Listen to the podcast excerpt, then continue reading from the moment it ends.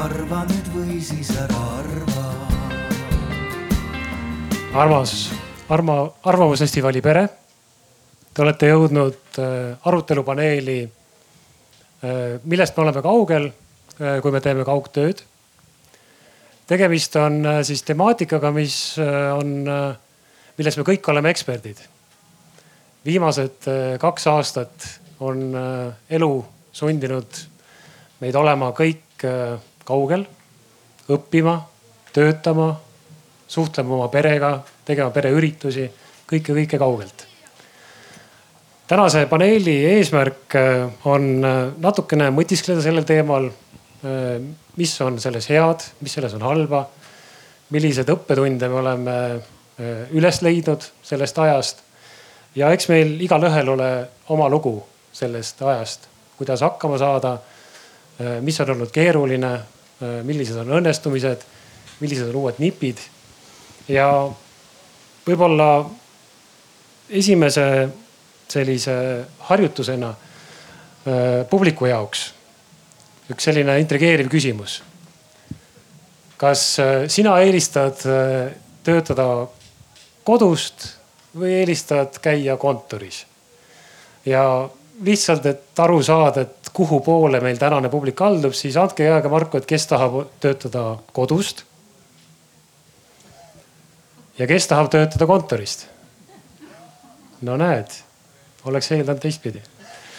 aga sama küsimus siis meie panelistidele ja meil on siin äh, neli auväärset daami. meil on äh, Piret Jesse, Soraneeni partner. tervist. meil on Diana Paudel, küberturvalisuse koolitaja, õpetaja, raamatu Turvaline internet ja digimaailma teejuht, autor. tere. meil on Eva-Maria Kangro, psühholoog.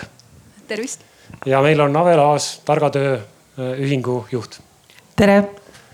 ja minu küsimus teile järjest kõigile on seesama. kas sa eelistad äh, töötada kodust või eelistad töötada kontorist ja miks? räägi oma lugu. nii, ma siis teen otsa lahti. Mulle meeldib kombineerida ja, ja nii ongi, see on alati niimoodi sobinud on äh, selline fokusseerimist nõudev tegevus, mis, äh, mis sobib hästi äh, tegemises kodus, kui on vaikus, kui seal ei ole ühtegi inimest. Ähm, ja, ja siis, kui ma tahan olla inimeste keskel, kui ma tahan suhelda, kui mul on kohtumised, kui mul on nõustamistöö, kui mul on mõni selline töötuba või koolitust läbi viia, siis, siis ma eelistan seda teha sealt, kus on ka teised inimesed noh, mõistagi viimased äh, äh, siis äh, viimane aasta või kaks on on toonud esile ka selle, et keskenduda on lihtsam teinekord kontoris, kus ei ole viite ülejäänud pereliiget nagu parasjagu tegemas oma konkureerivaid askeldusi. et seetõttu ma olen teinud ka koosolekud saunalavalt näiteks. Et ja see oli ebamugav, tõsi et mulle meeldib kontoris ka ja meeldib kodus ka. aga nende kahe vahel siis pigem, pigem kodus? praegu ma olen rohkem kontoris. Äh, aga keskenduda meeldib mulle kodus, sest et äh, siis, kui kodus on vähem inimesi. ja minul on selline huvitav olukord, et mina olin juba tegelesin kodukontoriga enne koroonat Äh, kuna minu töö on see, et ma teen koolitusi, külalistunde koolides, siis paratamatult ettevalmistustöö oli pigem kodukontoris. ma elan äärelinnas. Äh, mul on olnud, on ka kontoripinda kesklinnas olnud, aga ma pean ütlema, et see sõiduaeg, mis kulub laagrist tipptunnil kesklinna ja tagasisõitmisele, on minu meelest suht kulutatud aeg siin maailmas. ja teiseks ma olen muidugi ka see nii-öelda priviligeeritud inimene, kellel on kodukontor täiesti suletud uksega, mul ei ole konkureerivaid äh, isikuid selle ruumi peale. ja see tähendab, et kui ma ukse kinni panen, on mul rahu ja vaikus, et kass ainult ei saa reeglitest aru, aga ka kõik ülejäänud majapidamine jätab mu rahule. et mina olen küll kodukontori usku, aga nendel tingimustel. aitäh, Diana ma ei ole jah väga originaalne selles osas, et ma olen praegu sama, sama meelt nagu Diana, aga see on nagu asjaoludest tulenevalt tingitud, et, et mu töö on suhteliselt sihuke aeganõudev, et advokaatide puhul eeldatakse, et me töötame kakskümmend neli seitse, umbes niimoodi ta ongi ja siis, siis mul tekkis umbes kaks aastat tagasi, siis ennem kui koroona siia jõudis, sihukene väike unistus ja soov, et tuleks sihuke aeg, kus ma saaks olla oma perega mõnusasti koos, onju. aga noh, ma võin tööd ka teha no ja siis tuli koroona ja noh, mul oli selle üle väga hea meel ja mu sõbrad muidugi naeravad, et kui mul järgmine selline suuremate globaalsete mõjudega unistus tuleb, et ma annaks ette teada et hetkel ei ole ja ma üritan seda olukorda veel nautida. aga eh, noh, selgelt on kodus ja, ja tööl omad eelised, et siis kui mu eh, pere nagu käib koolis ja tööl, siis mul ei ole üldse vahet, siis ma võin tööl ka olla sama hästi. aga kui nad on kodus, siis mulle ikkagi meeldib kodus teha ja noh, minu jaoks ta annab ka tohutu ajavõidu, et kui, kui muidu mul ikkagi on neid tegemata töid noh, umbes sihuke virn kuskil lauanurgal, siis nüüd, kui ma olen kodus, siis ta on noh, selline. et, et puhtalt, ma olen küll mõelnud nüüd ka aeg-ajalt, et läheks kontorisse täna, aga mul lihtsalt reaalselt ei ole aega, et mul on ikkagi tihti kalender selline, et kui ma reedel avan, siis järgmisel nädalal näen, et mul on tööpäeva sees lausa kaks pooletunnist auku terve nädala peale et noh, siis ei leia nagu seda aega, et sinna kontorisse minna, ta annab hästi palju ajavõitu kindlasti, aga noh, eks me räägime nendest asjadest, mis, millest me oleme siis kaugel ka edasi ja no mina olen nagu siis see, kes on olnud noh, kõvasti üle viieteist aasta just kindlasti ka jälle kaugtöö usku nagu siin enam, enamik paneliste. aga, aga jah, sellel kevadel ma järsku nagu avastasin enda jaoks selle, et mul tekkis nagu tohutu kaugtöö väsimus, et ma ei, pikalt oli, oli vaja nagu aru saada, et mis, milles see nüüd siis äh, järsku nii läks, et kogu aeg on olnud nagu kõik väga hästi ja siis, kui ma sain sellisel kaugtöö laulupeol seda kõike siis äh, nautida, siis järsku nagu tüdinesin ära. aga jah, kaugtöö, ma arvan, et kõige kõige suurem võlu on see, et ta peaks meile andma hästi suure vabaduse, aga antud hetkel siis tegelikult ikkagi see, minult oli see vabadus ära võetud, et ma ei, ma, ma ei saanud ise otsustada tegelikult, kus kohas ma olen ja ma olin seal selles samas kodukontoris, mis mulle sinnamaani oli väga hästi meeldinud, et selline natuke sihuke psühholoogiline väsimus pigem nii et see, see autonoomia vajadus tegelikult see, see vajadus olla iseenda elu peremees on äh, psüühikale nii tähtis asi. et äh, kui see ka on isegi selline võib-olla nagu pseudoolukord, et sa oled ise selle kontrollitunde endale loonud, siis äh, et ka see töötab. ja kui see nüüd ära võetakse, et, äh, see ei olegi enam minu valik, äh, siis, siis sa järsku tunned, et motivatsioon hakkab alla käima. et ja, aga noh, võib-olla üks, üks moment veel, mida, mida ma ise olen nagu oma elus märganud ja, ja teiste eludes ka. et, et keskkonnal on hästi suur roll ja, ja ka see, et, et et, et me teeme nagu vahet nendel keskkondadel. et see, kui, kui mu magamistoast saab äh, nagu kõik, kõikide võimalike tegevuste ruum, et siis, äh, et noh, siis see ei, ei ole enam see, mis jõudu annab. et me tegelikult noh, tahakski nii, et, et ma oma köögis äh, mõnusalt teen süüa, naudin ja vestlen oma pereliikmetega. et mitte ei ei pea koosolekuid ja ei kirjuta igasuguseid artikleid. et see kõik, et kui meil on kõik selline ühtlane, selline vurr, mis lihtsalt äh, nagu ööpäev ringi kulgeb selles samas keskkonnas, siis see ka nagu psüühikat väsitab. et äh, me ikkagi vajame seda, seda vaheldust ja, ja joone vahele tõmbamist et selles mõttes ka inimesed äh, järjest rohkem hakkasid siis leiutama neid viise, et kuidas teha nii, et, äh, et kodu äh, noh kella neljani või viieni on kontor ja siis kella poole kuuest alates on, on jälle kodu. et noh, siis noh, ka sellised lihtsad asjad, et noh, et vahetad riided ära või käid duši all vahepeal ja siis oled jälle nagu uuesti sündinud. et pesed selle, selle tööpäeva maha või siis noh, või siis tiirõuest teha ja tagasi tulla, et, et noh, kui sellised nagu sellised eraldamise meetodid, et kui sa päriselt ei saa seda keskkonda vahetada. et, äh, et, et sellest ka inimesed ikkagi äh, hästi palju väsisid. noh, mida ma ise ka tundsin. see oli jube mõnus jällegi ikkagi minna, minna kontorisse äh, päriselt teise keskkonda. meil natukene juba tulnud juttu sellest ruumist, saunalava või siis köök või, või oma aiamaja me oleme nüüd läbinud selle kaugtöö, sundkaugtöö olukorra umbes kaks korda. et kõigepealt eelmise aasta kevadel, siis kui kõik pidid minema, tahtsid või ei tahtnud. me avastasime uusi olukordi, me olime nagu kriisiolukorras, olime nõus ka triikimislaua peal töötama. ja siis meil vahepeal tekkis see aeg, kus me tulime kontorisse tagasi. vähemalt paljud asutused tulid korraks kontorisse tagasi, elasid nagu sellist vabanemist, et me oleme nüüd noh, selles nii-öelda tavarežiimis tagasi. siis tuli uus lockdown ja kas, kui nüüd võrrelda seda esimest perioodi, võrrelda seda teist perioodi, kas me nüüd teise perioodi sisesime palju küpsemalt, kas tööandjad olid valmis, kuidas me nagu psühholoogiliselt olime valmis? ja kui me nüüd tasapisi liigume võib-olla selle kolmanda lockdown'i suunas, et, et kui vaadata seda tööruumi, kas nüüd on igalühel kodus olemas see sisse seatud nurgake, milles tulevikus vabal tahtel teha siis seda kaugtööd. Et peegeldage kuidagi oma elus seda, et olete nüüd kolmandaks lockdown'iks valmis? rääkimata muidugi sinust, kes on juba viisteist aastat olnud kodus. ja ei, mul viisteist aastat oli Ave pigem, mina olen natuke vähem, vahepeal ma olen ikka käinud kunagi kontorites ka aga tegelikult minu jaoks oli, kui mul see esimene märts kaks tuhat kakskümmend ja jah, ta ehmatas ära mul ütleme noh, ma tegin küll tööd kodukontoris, aga minu jaoks oli ka tugev probleem sissetulekuga, kuna enam koolitusi koolides ei tahetud, koolid pandi kinni. ja, aga ikkagi ta stabiliseerus ära, kui ma teadsin ette paar kuud, et ma olen nüüd kodus. minu jaoks oli väga keeruline eelmine sügis, kui ma ise läksin õpetajana kooli ja just see november, detsembri algus, oktoober, kus ma ei teadnud isegi hommikul, mis klassid mul koolis on, mis klassid mul kodus on kas ma ise võin kooli minna, äkki ma olen karantiini suunatud et see, et ma ei suutnud päeva ette planeerida, et kui mul on valida see, et kas ma pean selles kaoses elama või selles kaoses, et keegi ütleb, et sa lähed esimene oktoober kinni, noh koju ja tuled sealt esimene jaanuar või mis iganes kuupäev välja, siis iga kell, palun saatke mind kolmeks kuuks koju, ma saan ette planeerida.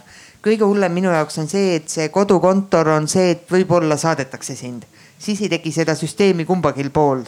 See on nagu minu jaoks kõige hullem stsenaarium sügiseks no mina arvan, et me oleme kindlasti paremini ette valmistunud. kui juba esimest seda vaadata, siis äh, kõige esimese lockdown'i ajal oli tegelikult seda hirmu ja segadust inimestes palju rohkem et oli, ei teatud ju tegelikult, mis majanduses toimub, äh, mis saab su töökohast, äh, kuidas ma kodus hakkama saan, ei olnud töövahendeid, et noh, nüüd paljudes kohtades on minu arvates selle peale mõeldud. noh, me ise oleme töötajatele siis maksnud kinni töövahendeid just noh, tegelikult eks ole, see ongi tööandja kohustus, et kes ei, kes ei tea, et siis tööandja tegelikult peab tagama töötajale ka kaugtööl olles äh, vajalikud töövahendid. Äh, et need on kindlasti olemas, mida kahjuks küll uuringud näitavad, siis ähm, tegelikult need, kes olid esimese lockdown'i ajal rahul, nende rahulolu on samaväärseks jäänud. Need, kes kellel oli nagu okei okay,, aga ei olnud väga hea, eh, nende rahulolu teise lockdown'i ajal läks alla ja need, kellel oli siis halb, on veel halvem.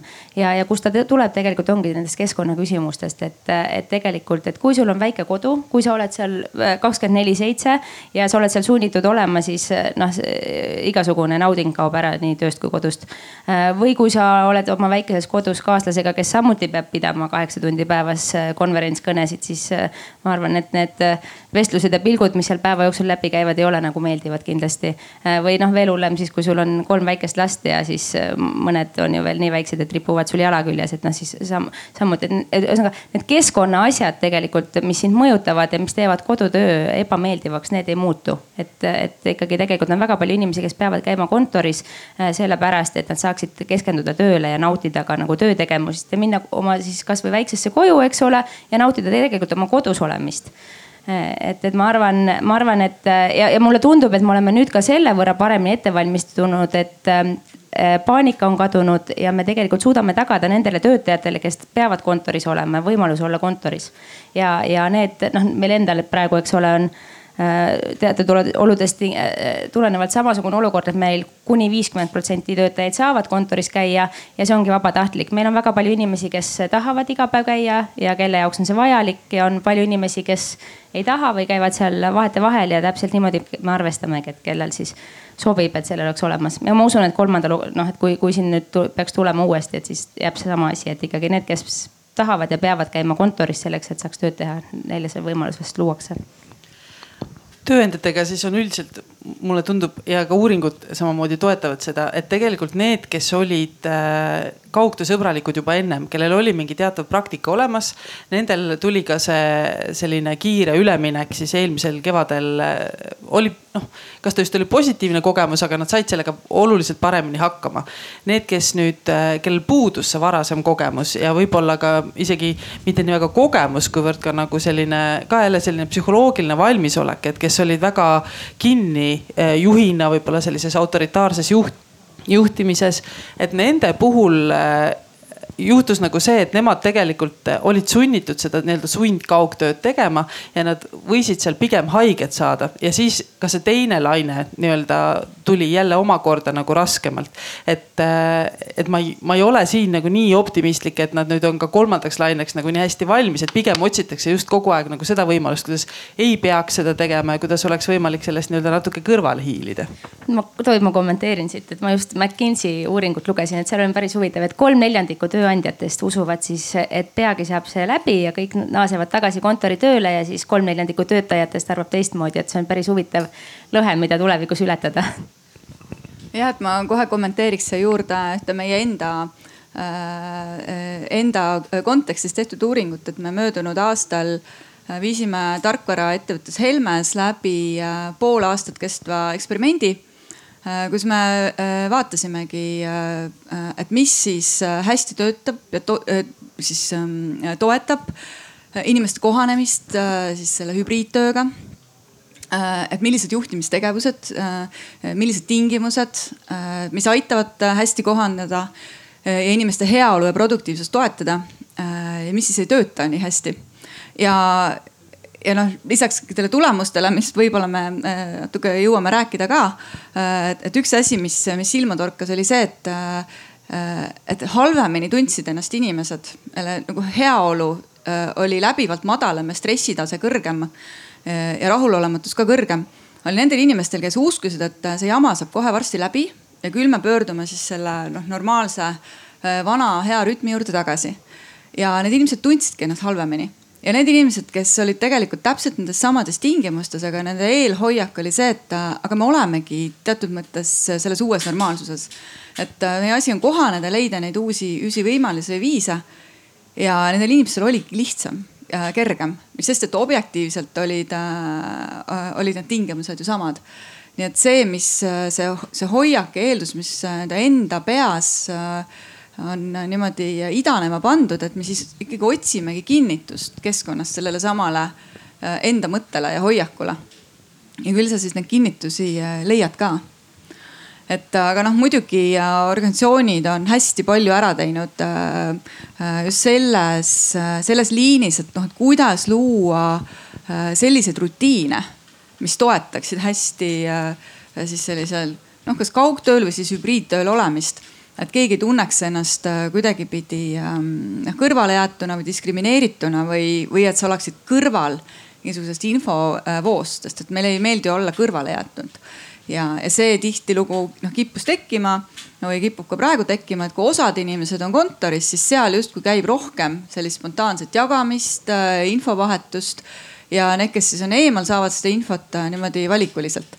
et ähm, et kuidas siis teha nii, et, äh, et kõik oleks äh, kindlasti selles, selles samas infoväljas. noh, seal neid võimalusi on ja need ei ole tegelikult üldse keerulised, aga lihtsalt tuleb teadlikult tähelepanu panna äh,, tähele panna ma olen ka ettevõtete käest küsinud, et mis siis on nagu need asjad, mida, mida on raske nii-öelda kaugelt teha, et nüüd, kui on olnud see, see olukord, et siis põhiline, mida tuuakse ka välja, on see, et innovatsiooni või sellist nagu loovust on väga raske kaugelt teha, et need vahendid on olemas. Eh, ka nagu nii-öelda digitaalselt või virtuaalmaailmas seda teha ja, ja sellega saab hakkama, aga ta kindlasti ei ole nii orgaaniline, ta ei tule nii lihtsalt, kui ta tuleb siis, kui me üksteisega nagu ühes ruumis kokku saame. ja noh, teine muidugi on siis seesama nagu meeskonnatunnetus, et, et see kipub kaduma minema, et et, et seal esimese laine ajal, kui korra tehti seal Zoom'is äh, jõulupidusid või, või, või nii-öelda suvepäevi, et see oli korraks oli see hästi tore ja teistmoodi, aga teist korda enam seda tegelikult päriselt teha nagu ei tahaks. et siis sa pead kogu aeg nagu leidma seda uut võimalust, et kuidas oma meeskonda, seda meeskonnatunnetust hoida. ja, ja just see, et äh, jah, me võime rääkida üks-ühele vestlustest juhiga, me võime rääkida sellisest nagu nii-öelda käe hoidmisest ja, inimese enda sisemise motivatsiooni hoidmisest. aga see ei ole ikkagi nagu päris see, kui me oleme nagu kõik koos meil kõigil koos on korraks tore olla ja, ja see annab meile natuke teistmoodi energiat. et see, need kaks asja on sellised, mida nagu mitte võimatu, aga raske siis äh, virtuaalselt teha. Ähm, ma nüüd tahaks veidi see, et äh, eeldus, et varsti lõpeb ära versus, et äkki jääbki nii. et kas siin ei või ka olla see, et sa kui ma arvan, et see jääbki kestma, et see olukord kestab, siis ma õpin uusi oskusi, ma võib-olla ostan parema lambi enda lauale et väikesed asjad, mida noh, meil arvuti on kõigil on ju laua peal. aga kas me oskame hinnata seda, et me oleme näiteks kabineti veidike ümber tõstnud, et meil oleks mugavam seal teha mingid väikesed detailid, kui ma arvan, et see asi lõpeb ära nädala pärast, ma ei viitsi seda teha.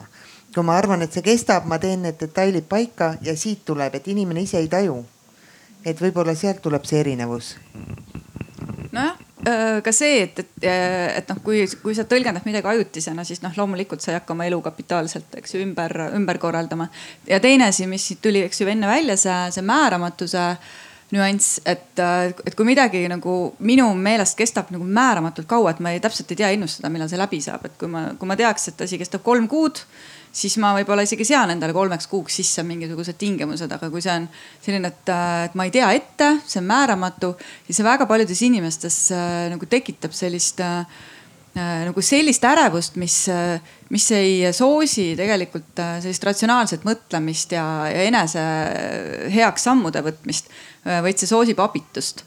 ja, ja võib-olla paljud inimesed võtsidki siis sellise, sellise abitu Äh, hoiaku, et, äh, et ega ma ei saagi oma elu kontrollida, et mul ei olegi siin midagi teha. ja võib-olla see siis äh, selles mõttes on, on, sai ka nagu psühholoogiliselt siis nagu suureks probleemiks. Piret, sa mainisid tööandja vastutust töökeskkonna kujundamise osas, sealhulgas ka töötervishoid ja ergonoomika.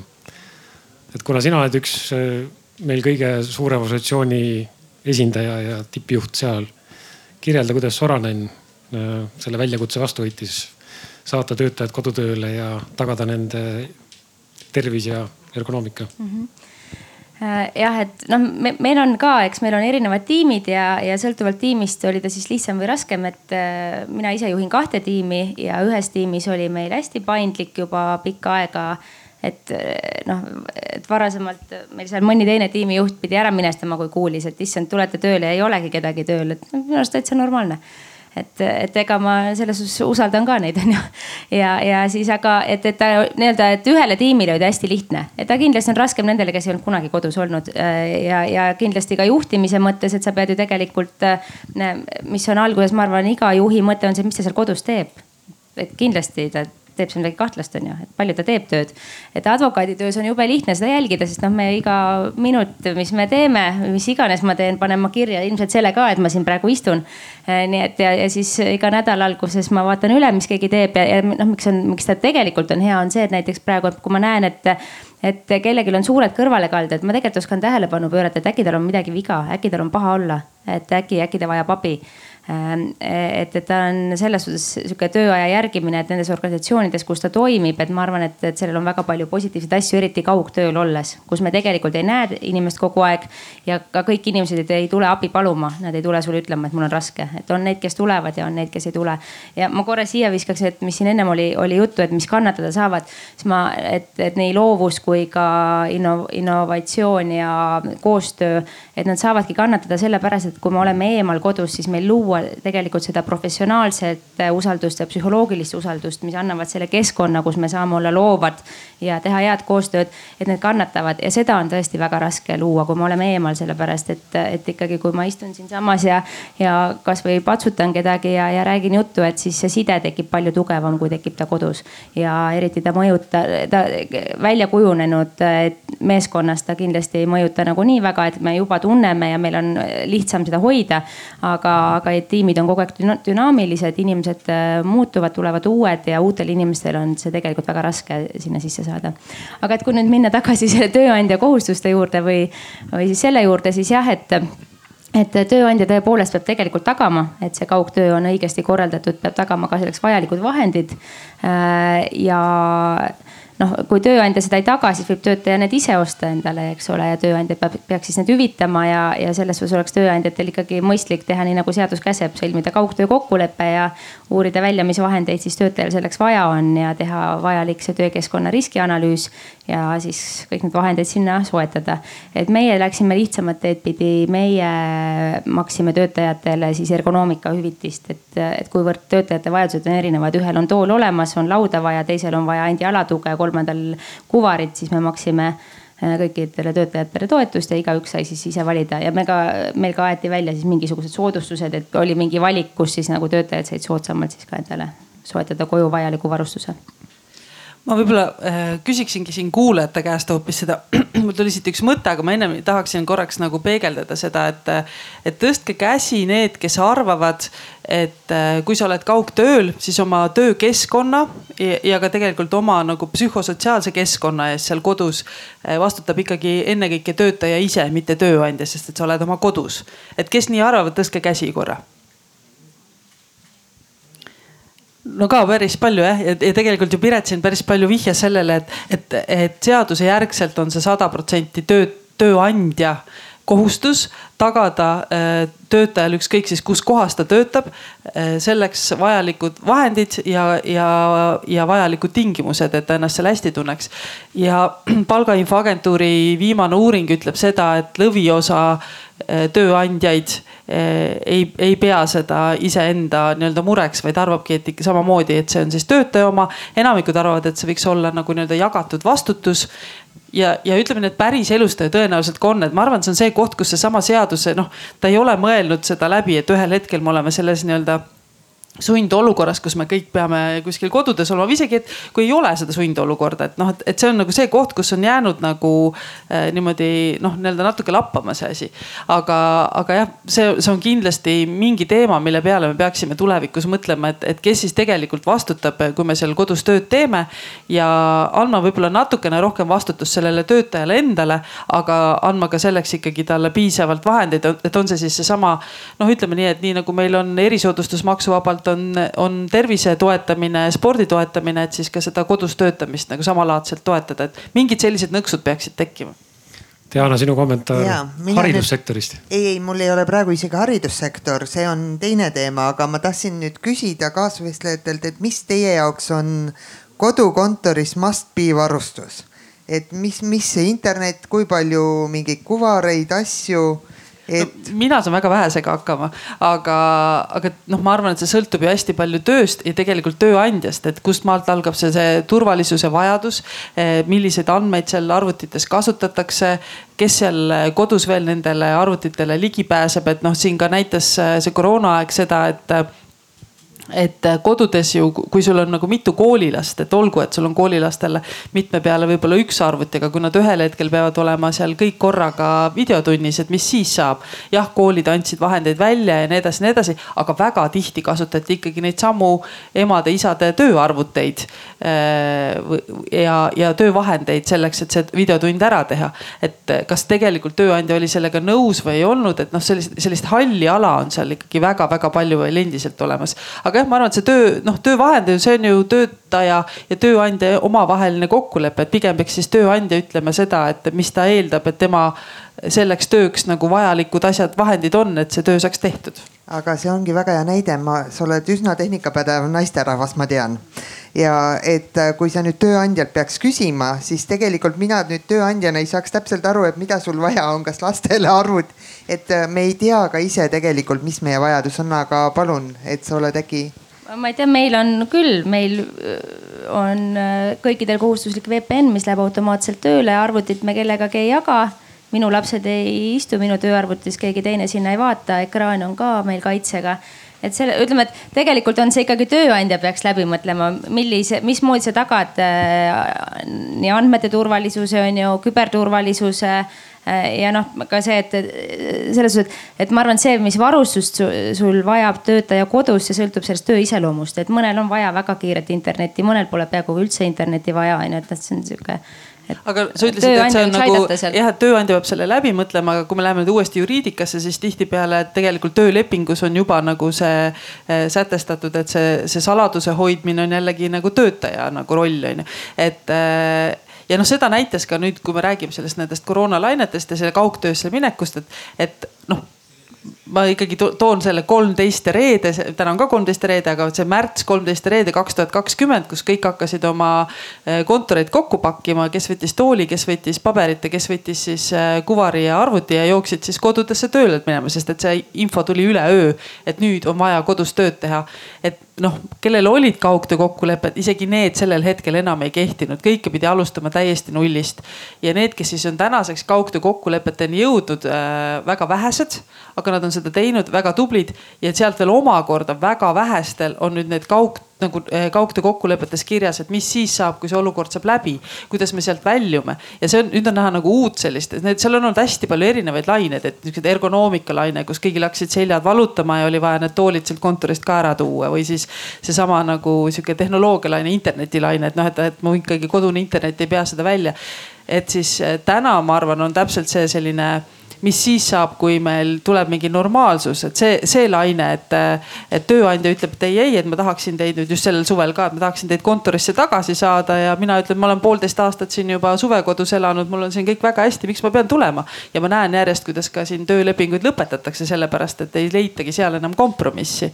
et sest, et need kokkulepped, see on nii puhas kommunikatsioon, et need kokkulepped on varasemalt sõlmimata, et kui me oleksime kohe alguses öelnud, et jah, siis kui see normaliseerub, sa pead tulema tagasi eh, nendel ja nendel tingimustel, siis, siis ei oleks ka neid tekkinud neid selliseid ootusi, mis siis saavad, milles nagu see töötaja peab pettuma, et näed, et nüüd lasti mul siin uut elu ehitada ja lõpuks tuleb välja, et eh, midagi ei, tulegi. siis ma toon, toon siia juurde veel selle, et mis on kaugtöö eh, nende lainete ja nüüd ma räägin ka rahvusvahelistest uuringutest ja ka Eesti-sisestest, et tegelikult me räägime tulevikust, et mis juhtuma hakkab, ongi inimeste ümberasustumine. sest noh, jällegi ma ei tea, ma võib-olla jälle küsin siin, et kas keegi on äh, avastanud enda jaoks selle, et, et linnakodu vahetada hoopis äh, vahepeal maakodu vastu just siin viimase paari aasta jooksul?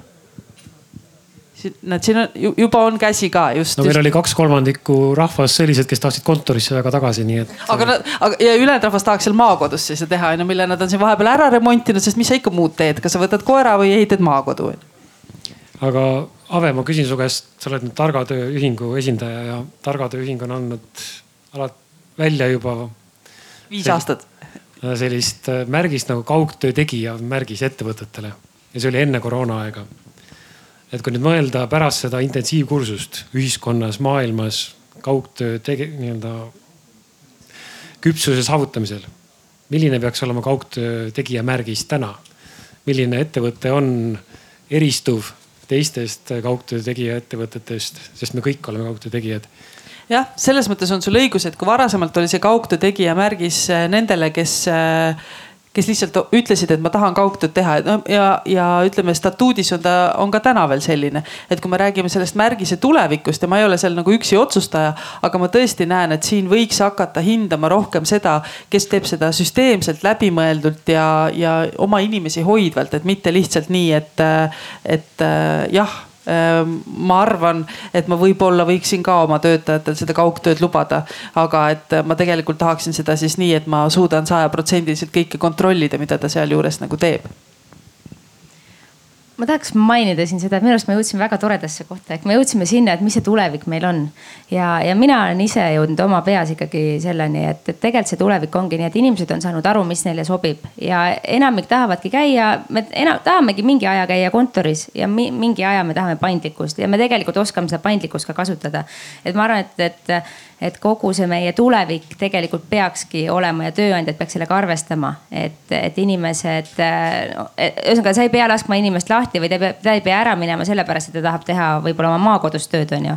et, et me peame tegelikult kohanema ja väga kahju on, et sotsiaalministeeriumi esindaja siit jalga lasi poole pealt aga, aga põhimõtteliselt tegelikult meie seadusloome võiks sinna järgi tulla, et meil praegu puudub nagu sihukene regulatsioon, mis arvestaks kaugtööga ja hübriidtööga, aga tegelikult võiks sinna tulla ja noh, seesama teema ka, mis siin oli, et, et ka kogu see väga jäik Äh, nagu töötaja kaitse võib-olla seal kodukontoris ei ole õigustatud, et ma olen sama meelt, et tegelikult tööandja kohustus peaks olema äh, tagada vahendid ja juhendamine ja töötaja kohustus peaks olema tagada siis see, et on, et on ohutu ja turvaline ja, ja mingid muud teemad, et et seal kindlasti ma arvan, meie seadusloome võiks järele areneda ja tööandjad võiks sellega kõik arvestada, et ma arvan, see ongi tulevik, et kuidas, kui, kui me seda arvesse ei võta, siis lihtsalt neid inimesi ei saa, kes vajavad teatud paindlikkust see seadusloome on selles mõttes ka hästi oluline, et, et üks edukamaid riike kaugtöötamises on meie enda naaber Soome, et.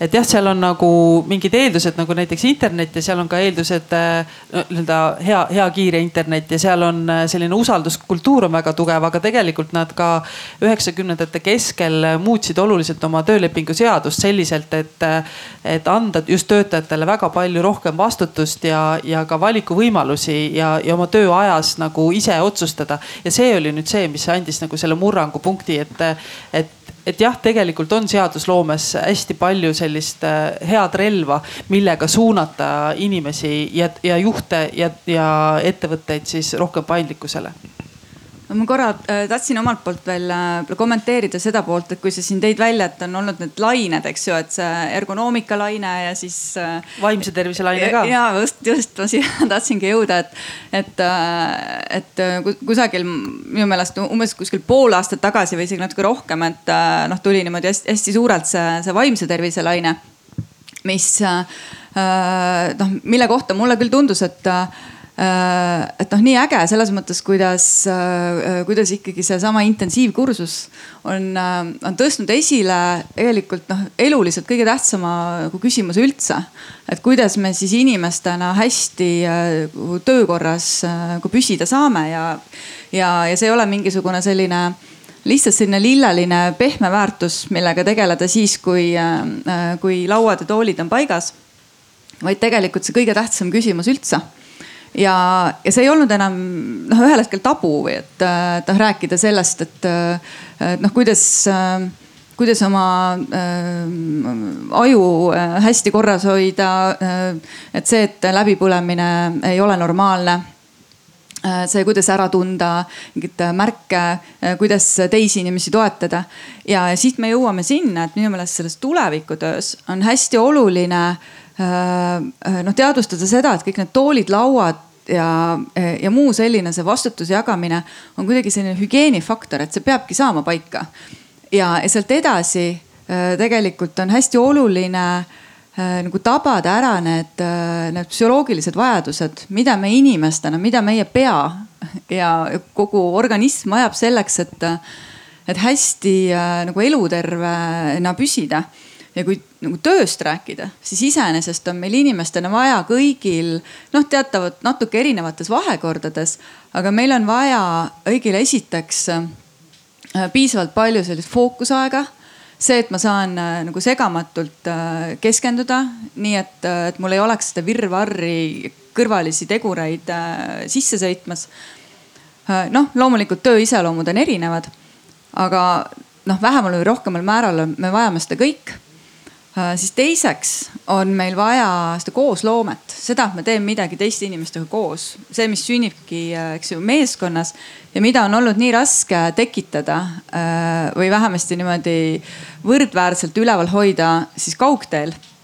ja samal ajal see on, see on võimalik, et me kõik oleme ka inimestena ju kohanevad olevused.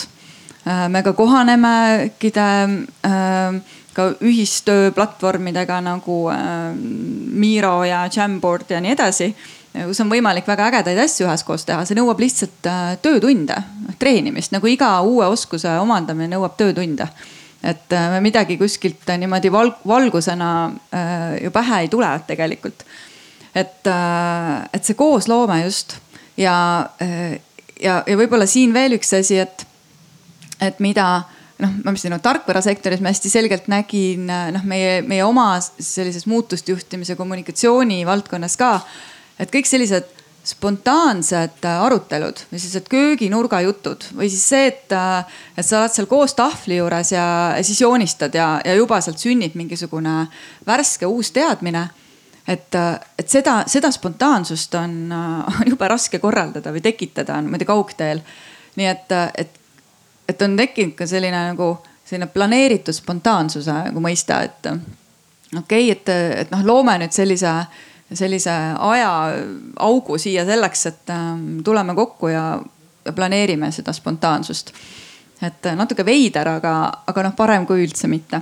ja kolmandaks on meil inimestena vaja lihtsalt äh, seda inimes, inimestega koosolemist, vaba suhtlust, äh, täiesti mitteformaalset sellist koos mulinat, maast ilmast rääkimist, lihtsalt seda tunnet, et me oleme üksteisel inimestena olemas. see seotuse tunne, külg külje tunne et see on nagu nii tähtis ja, ja, ja loomulikult ongi, lähebki rohkem energiat ja ressurssi, kui me peame seda niimoodi kaugteel äh, nagu üleval hoidma. ja seda ka äh, juhid räägivad, et, et, et noh, lihtsalt nii palju rohkem tuli tööd juurde sellega, et ma, et jõuda inimesteni, selleks, et seda meeskonnatunnet hoida et, et, et kuidagipidi, et sa hakkad rohkem võtma energiat ja samal ajal, kellel on see sisse töötatud, see, see toimib ja töötab ja, ja jällegi iga kohanemine, iga muutus äh, võtab aega et see ei ole päriselt nii, et see üleöö mugavaks muutub. Kui me räägime nendest märgistest, siis äh, sotsiaal ja äh, sotsiaalministeeriumil on pere ja töötajasõbralikkuse märgis, millega käib kaasas ka päris uhke programm, mida need organisatsioonid siis ka läbivad, et, et veel rohkem töötaja ja peresõbraliku, peresõbralikumaks saada. et otsige neid märgiseid, need on täitsa, on nagu näha, et on kuld, hõbe ja pronksmärgised ettevõtete seinte peal olemas.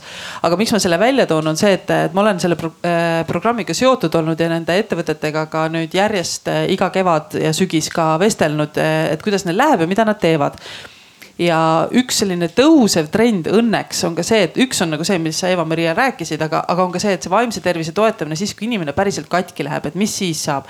me võime siin nüüd pikalt arutada, et kelle vastutus siis see tegelikult on, et kui ma seal kodukontoris olen. Eh, kas mul, ma ei, ma ei saa isegi aru, kas mul on seal nagu endaga probleemid, kas mul on perega probleemid, kas mul on tööga probleemid, aga korraga on mul seda kõike liiga palju ja nüüd on küsimus, et mis, mis ma edasi teen kas ma pean sellest rääkima üks-ühele vestlusest oma juhiga, mis on nagu ka päris hea lahendus.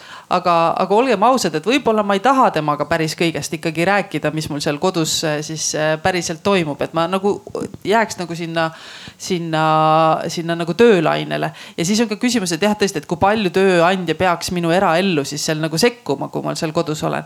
aga ma näen, et väga paljudes organisatsioonides õnneks on juba tekkinud sellised head äh, nii-öelda lepingud või, või kontaktid erinevate ka siis vaimset tervist eh, toetavate asutuste, psühholoogia, psühhiaatriakeskustega, eh, kus siis ma võin ise otse minna ja küsida, noh, PPA on väga hea näide, noh ka ilmselgelt miks, aga, aga tõesti ka nende, ka see, see ei ole ainult nii, et ma politseinikuna võin abi küsida, et ma võin ka reaametniku või juristina minna ja küsida.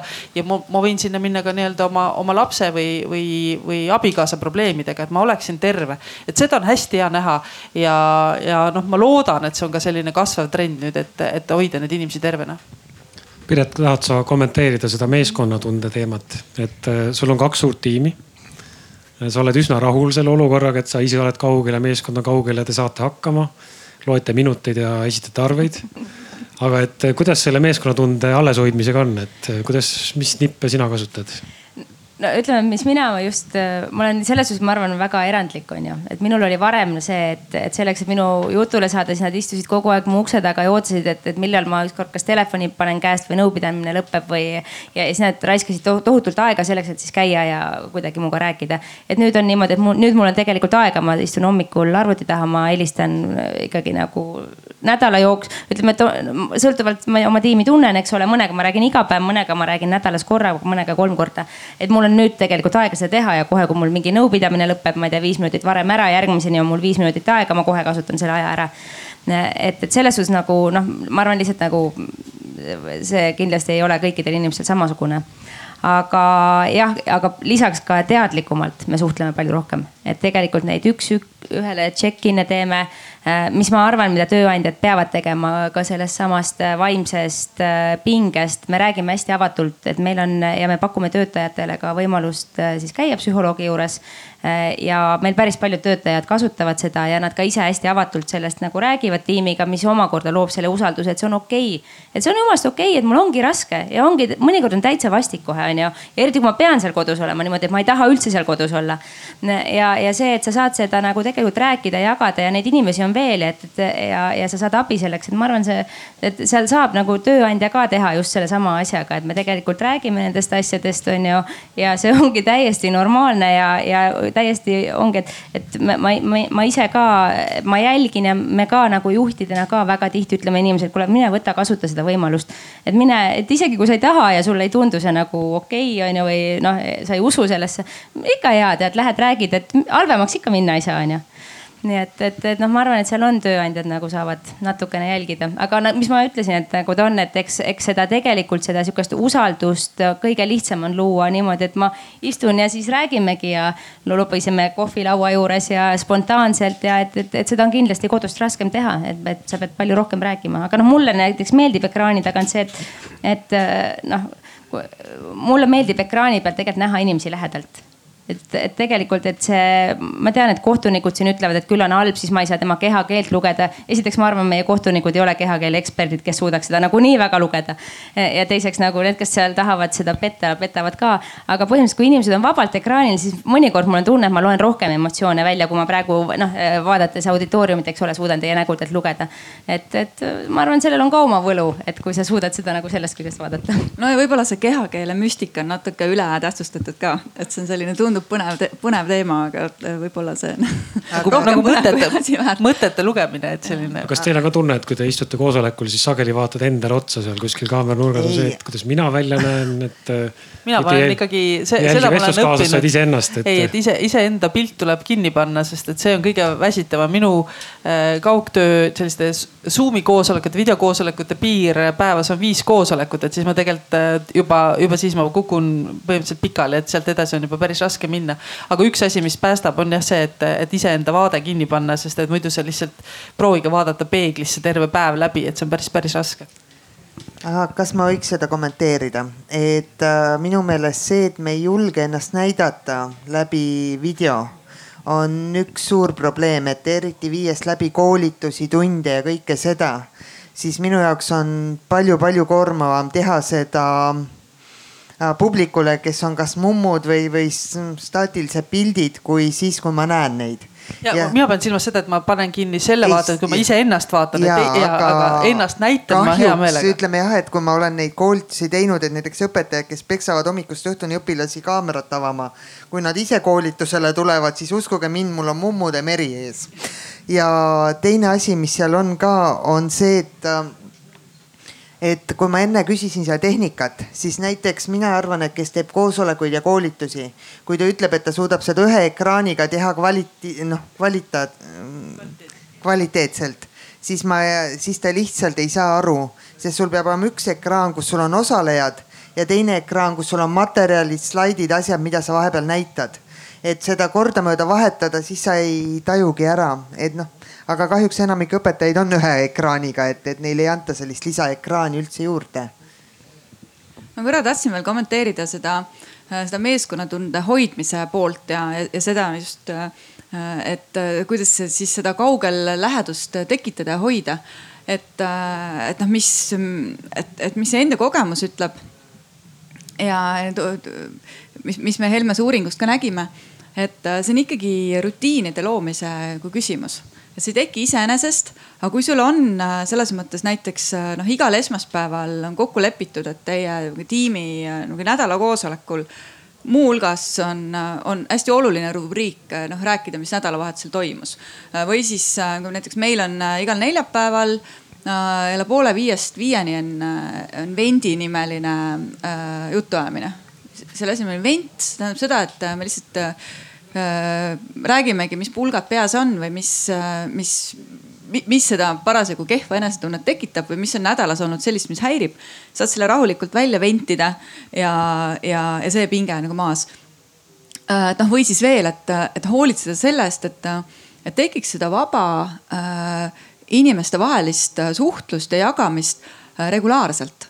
sest kui me jääme äh, nagu lootma selle peale, et see tekib kuidagi iseenesest kaugteel äh,. no siis äh,, siis ei teki, noh või see on juhuslikult, no on, tehakse koos äh, mingeid pannkooke äh, ühe korra äh, või mingisugune veiniõhtu või, või vaadatakse koos filmi. ja, ja noh, see on, see on juhuslik, see on ühekordne, aga selline see regulaarsus kui loob selle turvatunde ja annab ka võimaluse Äh, õigel hetkel aru saada, kui kellelgi on, on päriselt äh, miski suurem mure ja, ja ma olen tähele pannud, et tõesti, et see, see töötab väga hästi ja, ja ma saan ka praegu aru, et äh, tegelikult noh, see, mida sina teed oma inimestega, et sa, sa nagu teadlikult hoiadki ise, ise seda sidet, eks ju, ja, ja kontakteerud. ma võtaksin selles mõttes sõnajärje üle, et mul tekkis siin nagu kaks mõtet just nende, nende koostööüritustega, et, et üks asi kui me tuleme nüüd tagasi sinna äh, eelmisesse reaalsusesse, siis väga populaarsed olidki kaugtööpäevad, mida ettevõtetes tehti, et noh, näiteks, et iga kuu esimene reede on meil äh, kaugtöötamise päev, kus igaüks võib teha, mis ta tahab. siis nüüd, kui vähegi on võimalik, peaks ja seda ma teen oma meeskonnas, sest et mul on, mul oli virtuaalne meeskond juba ka enne seda reaalsust, uut reaalsust. et, et on, meil on koostööpäevad, et täpselt samamoodi ka siis kvartalis või kuus korra, esiteks me teeme ära nagu töised asjad, äh, mis, mida on keerulisem teha võib-olla distantsilt. ja see tegelikult tähendab ka seda, et kui sul on keegi meeskonnast, kes on võib-olla ka riigist väljas nagu noh, töötab näiteks äh, Inglismaalt või Soomest, et sa tood ka tema tegelikult sellele koostööpäevale maksimaalselt nii kui võimalik, sa tood need inimesed äh, kokku sellele koostööpäevale ja kui vähegi võimalik, noh ja praeguses olukorras tihtipeale seda ka ei olnud võimalik eh, teha. ja teine hea praktika lihtsalt, mis mul nagu siin tuli, oli ka seesama eh, lihtsalt niisugune kohvinurga praktika. et, eh, et alustada koosolekuid viisteist minutit varem või lõpetada viisteist minutit hiljem, sest mis nagu ka juhtus ja siis, ja siis niimoodi teadlikult, et, et lepime kokku, et viisteist minutit on meil kogunemisaeg, kes tahab, saab tulla varem, kes tahab, võib tulla hiljem sest nende kodukoolidega juhtus ka see, et, et oli ka neid inimesi, kellel oli iga sekund täiesti loetud ja tal oli väga raske osaleda koosolekul, kus äh, siis see, kellel ei olnud parasjagu kodukooliga probleeme, aga ta tundis ennast üksikuna ja kõrvalejäetuna, tahtis rääkida lihtsalt sellest, mida ta aknast välja näeb, see oli väga populaarne teema väga pikalt.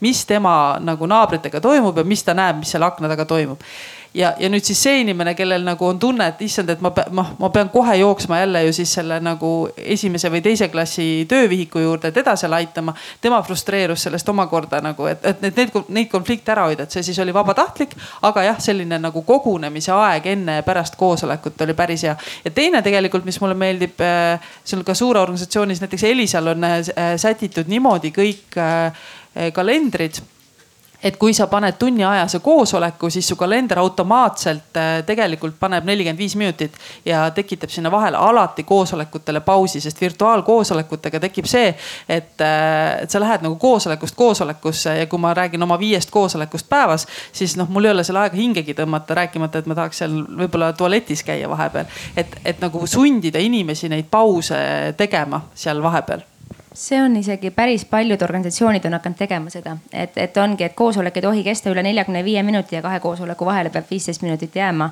ja, ja siis äh, meil endal on lisaks ka see, et meil on küll siis, et reede pealelõunal ei tohi book ida koosolekuid ja üldse, kes saab, võtab selle vabaks. Äh, aga on organisatsioone, kes siis ka, kas on üks või kaks päeva nädalas, kuhu siis ei tohi panna kas sisemisi koosolekuid või mingeid aegu. et see on natukene see, et eks ole, et õigus olla nagu eemal ja tegelikult õigus fokusseerida ja tööd ka natukene teha. et siis see on ka hästi hea asi, mida võiks tegelikult tööandjad arvestada.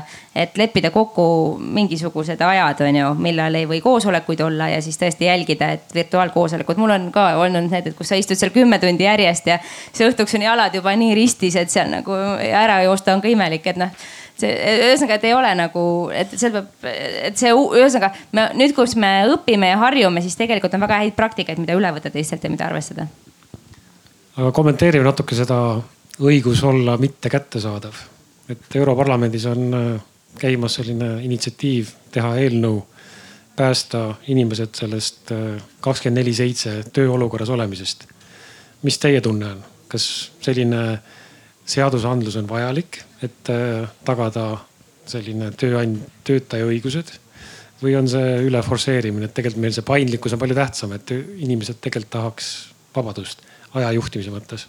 mina eh, mitte juristina ja mitte psühholoogina olen selle poolt, et kuigi ma olen väga nagu paindlikkuse ja iseotsustamise ja autonoomia poolt, et siis mulle tundub, et, äh, et praegusel hetkel kogu selle just tehnoloogia arenguga ka me oleme jõudnud sellisesse punkti, et me ei oska enam ise ennast äh, selles mõttes välja lülitada. ja ikkagi meil on väga palju selliseid juhte, kes äh, on ülikontrollivad, me räägime tegelikult, me oleme täna väga palju rääkinud nendest väga ägedatest organisatsioonidest, kus kõik on väga hästi ja, ja me, ju teadlikult ei räägi nendest, kus on halvasti, sest nendest ka nad ise ei räägi sellest, et neil on tegelikult halvasti, aga me kuuleme neid lugusid ikka oma tuttavatelt ja sõpradelt, äh, kus, kus üks või teine tööandja kiusab ja, ja see kättesaadavus ja see, vot see on see, kus ma võiksin Piretiga, ma arvan, tunde vestelda, et kas aja mõõtmine on pluss või miinus on ju. sest mina olen ikkagi, mulle meeldib selline eesmärgipärane juhtimine rohkem.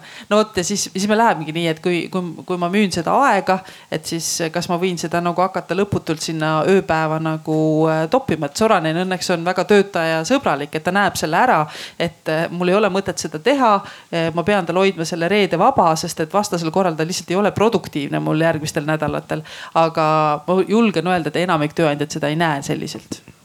aga kas teile ei tundu, et see on, äh, see on ikkagi rohkem, äh, see on organisatsiooni kultuuri küsimus, see on midagi äh, ähm, see midagi sellist, ma, ma, ma tunnen, kuidas mul tegelikult nagu niimoodi kui ihu karvata sealt püsti äh, nagu mõtte peale, et me hakkame reguleerima äh, asju, mis, mille ülereguleerimine äh, noh, kuidagipidi tuleb bumerangina tagasi et äh, et see on hästi oluline ja see, see oma aeg, see, see aeg mitte olla kättesaadav. aga kas see ei ole asi, mis, mis peaks olema just nagu selline kultuuriline inimestevahelise kokkuleppe asi, siis ta töötab, siis see toimib ja, ja toetab seda, seda vaimset töökorras püsimist. mulle lihtsalt tundub niimoodi, et vaadates neid äh, neid siukseid kuningaid, kes siis, kes siis armastavad oma troonil istuda ja, ja ülevalt alla töötajaid käsutada.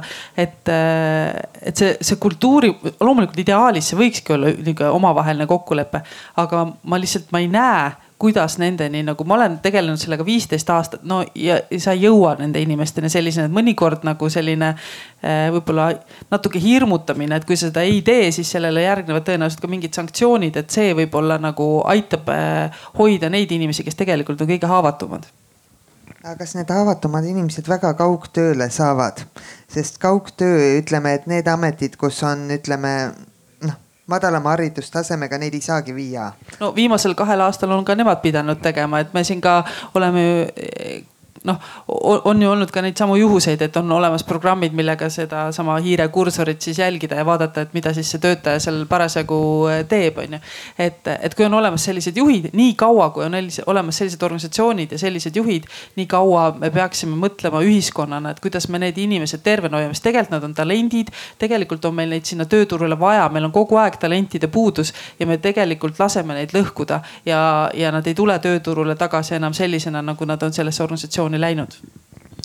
et me liigume tasapisi sinna juhtimise valdkonda ja usalduse teemasse, et meil hästi palju tunnet kontoris eduka juhtimise juures oli see, et vaatan üle õla, kas inimene teeb tööd. et see töötajal oli tunne, et mul juht võib iga hetk mööda minna ja vaadata, kas ma töötan ja see nagu noh, nii-öelda aja täisistumine oli väga normaalne enne Covidi aega.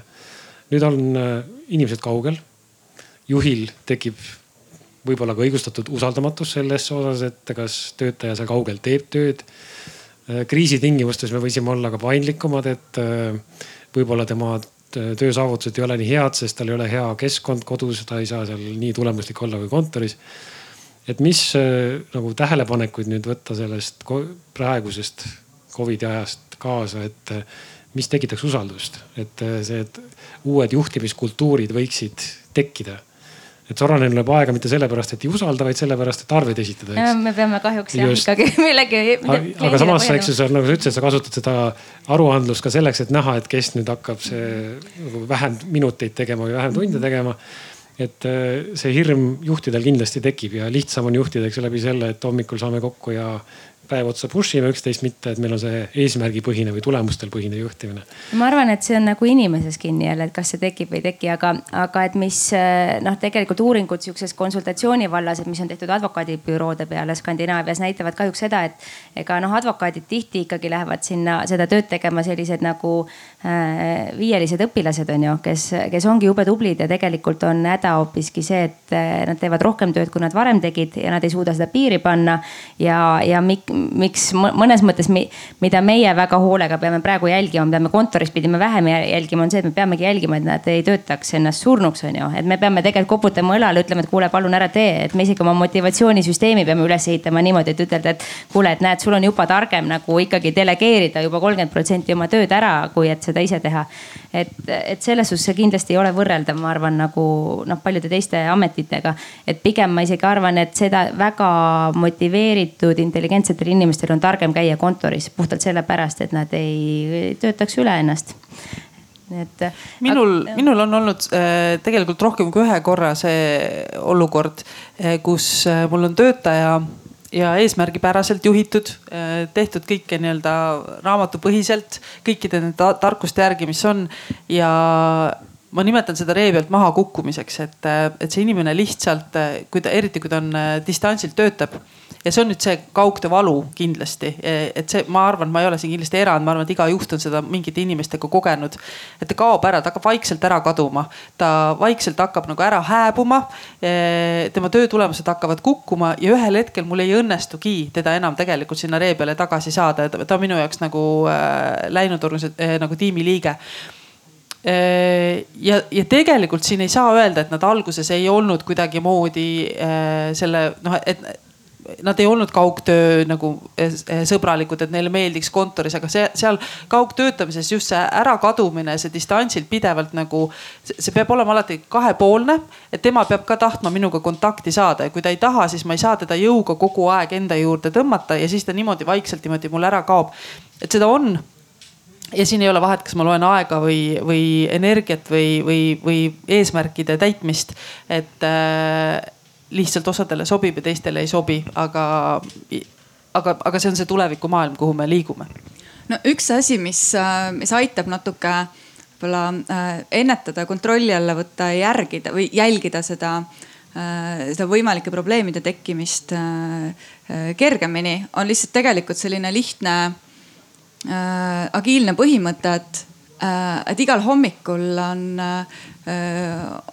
on kiire koosolek, kus, kus igaüks räägib, mis tal täna tegemisel on ja, ja milles abi vajab. et, et noh, me ise oma tiimis teeme seda noh, mitte sellise kokkusaamise koosolekuna, vaid sellise virtuaalse check-in'ina me paneme kirja. täna on käsil need, need, need asjad. kardan, et ei jõua sellega, vajan abi selles, selles ja, ja siis järgmisel hommikul jällegi, et et noh, mis, mis eilsest jäi, mis on täna tegemisel, sest äh, tegelikult selline lihtne äh, nagu enesele ja oma tiimile raporteerimine, mis natuke tagab selle läbipaistvuse ja selle, et, äh, et et see, et kellegi mure jääb märkamatuks või see, et, et keegi võtab endale äkki liiga palju enda õlule.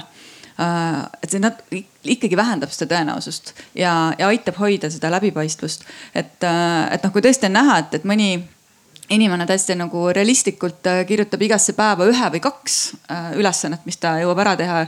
ja teisel inimesel äh, pean ka tunnistama, et natuke kipun olema see mina ka, kellel on noh, kaksteist asja.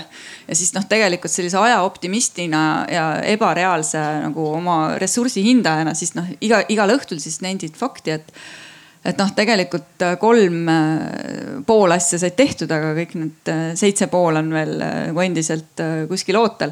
et et see annab ikkagi tegelikult sellist murettekitavat signaali, eks ju, et äh, oot-oot, et sa ise näed seda ja tiim, tiim näeb, et, et noh, midagi oleks nüüd siit vaja vähemaks võtta või, või kuidagi neid asju ümber korraldada. Nende uute töötajate ja noortega, kes tööturule tulevad, ma näen väga palju seda, et, et tegelikult me töötama õppimist peaksime õpetama juba ka koolis ja mõnevõrra õnneks, eh, võib-olla see on nüüd midagi, mida sellest kahest aastast need noored eh, oskavad kaasa võtta. et nad on nüüd pidanud väga palju seda enesejuhtimise osk oskust nii-öelda harjutama ka seal kodudes.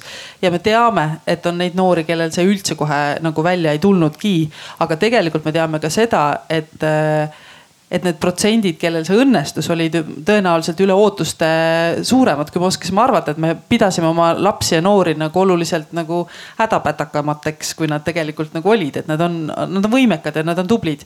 aga anda neile seda iseseisvust seal koolides rohkem, et ma, ma tahan loota, et koolid nagu ka sellest väljuvad nüüd selle õppetunniga, et, et jätkata mõnevõrra sellist ka neid samu koduõppepäevadega või projektipäevadega, mis, mida, et kas siis selleks, et neid harjutada, et kui tulevikus on uuesti kogemata vaja kolm kuud kodus olla, et nendel on see mingi baasoskus olemas või harjutada neid selleks, et kui nad lähevad tööle ja peavad siis iseseisvalt ennast juhtima, et siis nendel on see oskus olemas.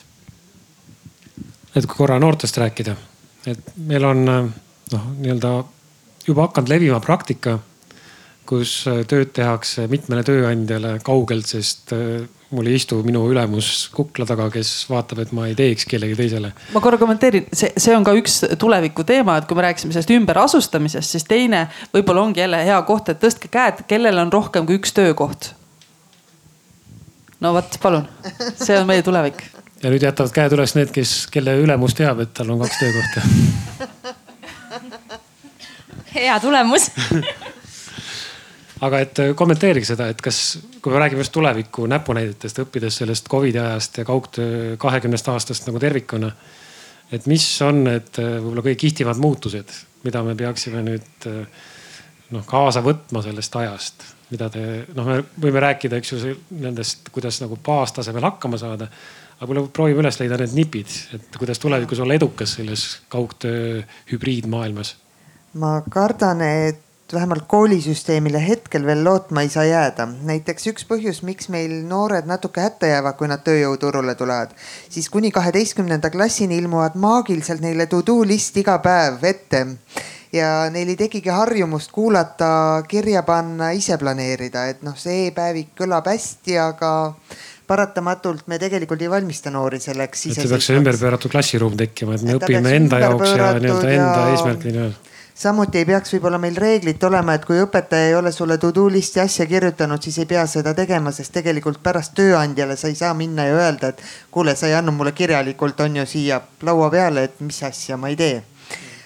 ja teine asi, mis nüüd oleks noortega, ongi see, et neid tööriistu, täpselt, mis siin oli juttu, et, et teeme projektipõhist ühistööd, on ju kõike seda. ja tegelikult seda peaks harjutama ka keskealised. ma ei hakkaks ainult noori ütlema et, et kuidas panna koos töötama, me ei oska neid projekti tööriistu hästi kasutada tegelikult, nii palju kui minu kogemus näitab. no tegelikult seesama asi, et kui noor tuleb äh, koolist välja, et äh, et, et kas ta oskab Outlooki kasutada või ei oska, et, et noh, need on nagu põhi, kõige põhilisemad töövahendid, mida, mis kontoriinimesel eh, vaja läheb. Ja tegelikult noh, ma, mina olen pidanud noori õpetama ka Excelis tulpi ja veerge liitma omavahel, et noh, okei okay,, ma saan aru, et see võiks tulla sealt gümnaasiumist küll, aga kui ta ei tule ja, ja ta on tegelikult võimekas ja talendiga ja andekas noor inimene, siis on väga rumal jätta ta nagu töökohtade ukse taha sellepärast, et ta nüüd pole Excelit õppinud, see on noh, kõik kõige lihtsam asi, mida tegelikult kiirelt selgeks õppida omale. aga tuleme korraks haridusest välja, et äh, see nagu organisatsiooni ja juhtimiskultuuri muutused, mida nüüd siit Covidist kaasa võtta? mina äh, kohe tooks välja selle, mida ma olen näinud mitmel pool. Äh, et, et kui sa juhina teadlikult pöörad tähelepanu inimeste siis töökorras püsimisele, tegelikult hästi lihtsate asjadega, et regulaarselt võtad teemaks, kuidas sul läheb, kuidas meil läheb, kuidas meil koos läheb siis, siis nendes tiimides on inimeste psühholoogiline turvatunne kõrgem. ja psühholoogiline turvatunne ehk see tunne, et ma saan olla see, kes ma olen oma murede rõõmudega ja ma tunnen, et teised inimesed aktsepteerivad mind sellisena, nagu ma olen. see tõstab motivatsiooni ja, ja need tiimid on efektiivsemad, produktiivsus on kõrgem kui see psühholoogiline turvatunne on kõrge. ja me oma uuringust hästi selgelt näeme seda, et, et kui juht teadlikult, isegi pole väga vahet, millisel moel äh,. seda saab erinevalt, erinevaid äh, viise leiutada, mis kellelegi täpsemalt sobib. aga kui sa sellega teadlikult tegeled äh, korra nädalas äh, või iga päev äh, oma isikuomadustele sobivalt siis äh, su tiim töötab paremini. Ja seda on, ja see on tegelikult väga lihtne, väga inimlik äh,, väga selline loomulik. Ja, ja noh, numbrid räägivad enda eest, et me tõesti nägime seda oma, oma eksperimendis nii, aga kui me noorte juurde, ma ei mäleta, mis uuring see oli, aga kuskilt jäi silma, et keskmiselt noor töötab tänapäeval üheksa kuud ühes organisatsioonis. sa võid teda hoida, sa võid teda motiveerida, aga ta päris kiiresti vahetab väljakutseid samamoodi võimalik, et ta sellel ajal töötab veel kahes või kolmes organisatsioonis. no et aga ma mõtlen jällegi, et, et noh, lihtsalt, et, et korra, korra nädalas teha see ring, et kuidas meil läheb ja mida, mida toredat äh, nädalavahetusel toimus, et, et see ei võta väga palju energiat. et, et aga, aga see, mis puudutab selliseid eesmärgistavaid vestlusi ja, ja seda, et, et arusaamist, et kas noor inimene on, on minema kippumas ja kuidas tal motivatsiooniga lood on ega siin see ainus tööriist on ju üks-ühele jutuajamine ja neid äh, ma soovitaks teha korra nädalas. no okei okay,, kui sul on suurem tiim, siis äh, vähemalt korra kahe nädala jooksul, aga mitte, mitte korra aastas. Loomulikult sellest on äh, noh, kaugelt liiga vähe. see on täitsa üheksakümnendad selline arenguvestlus üks kord aastas. Aga no Piret kirjeldas, et kuna me enam logistika ei ole nii keeruline, me ei pea koosolekuruumi minema viisteist minutit ja tulema sealt, siis mahutab neid töönädalasse rohkem, eks. või tööpäeva või see viis minutit, mis sa kirjeldasid. et võib-olla see empaatia on, jääb kõlama praegu Eva-Maria jutust, et juhtimise empaatiavõime peaks olema suurem, et kaugtöös ellu jääda. on nii? ja ma olen täiesti nõus sellega. ma ise tegelikult olen hästi kuidagi jõudnud sinna, et kui alguses tundus, et hästi selgelt koorusid välja, et kellele meeldib kodus, kellele meeldib äh, tööl Äh, siis tegelikult tänaseks on selge, et äh, see ka ei ole mustvalge üldse enam kellelgi et, et äh, inimesel, ühesõnaga tegelikult on niimoodi, et inimesed on aru saanud selle paindlikkuse võludest, on ju. Äh, on aru saanud, miks neile meeldib kontoris, miks neile meeldib kodus, millal nad tahavad ühes või teises kohas olla. ja ma arvan, et me peame juhtidena olema tohutult avatud selleks, et tegelikult ja kuulama iga inimest. Äh, ja olema avatud sellele ka, et see on jumalast normaalne, et noored ei taha eluaeg töötada ühes organisatsioonis. elame ükskord, tahadki igasugu vaheldust. et küll aga on teine teema, mille peale tasub mõelda, et, et võib-olla sa saad oma organisatsiooni kujundada selliseks, mis seda edasi motiveerib, kui sa tead, mis seda motiveerib. et selleks, ma arvan, juhina me peame äh, tegelikult äh, teadma, mis motiveerib meie töötajaid, mis hoia, mis motiveerib neid tööd midagi tegema nagu ja, ja siis jätkuvalt seda tegema algatust üles näitama, mismoodi nad armastavad töötada ja tegelikult äh, siis mõelda, kas meil on võimalik luua selline keskkond, et, et võib-olla neil on parem meie juurde jääda, kui minna siis mujale, aga, aga iseenesest noh, mina, mina olen pigem seda meelt, et ma arvan, et võidavad need juhid, kes on hästi avatud meelega ja kuulavad oma töötajaid ja on valmis muutuma, sest see ühiskond on praegu nii palju muutunud. ja noh, minule väga meeldib see, mis toimus lastega, et, et see, kui palju nad õppisid kasutama igasuguseid erinevaid eh, keskkondi ja mis oskusi nad said seal kodus, kaasa arvatud selle, et, et oskuse vastutada selle eest, mis ma teen et tõepoolest ma istungi seal ja, ja mul ei olegi seal päeval midagi targemat teha, sest teised istuvad ka oma tubades, et ilmselt ma pean õppima. ja nad õpivadki ja võtavad sellest vastutuse, minu arust oli see üli-ülilahe. et, et see aeg on meile andnud väga häid õppetunde ja, ja ta ilmselgelt muudab kogu seda töö tegemise asja, et kui sa juhina arvad, et ei muuda ja tuleb vana tagasi, siis ma arvan, sa tegeled täieliku enesepettusega. et, et võidavad need, kes saavad aru, et, et maailm muutubki ja sa lähed sellega kaasa. ja no võib-olla Äh, tulles korra see füüsilise keskkonna juurde tagasi, siis võib-olla see, et äh, see kontori tähtsus või see töökoha tähtsus ei, ei kao mitte ära, vaid see kontori tähendus muutub. et äh, see on see koos, koos olemise koht, koos loomise koht, et et mitte nii väga see, et, et igaüks tuleb ja on, on, on, on kuskil oma eraldi, eraldi kuubikus, et, et eraldi kuubikus saab olla väga paljudes muudes kohtades ka.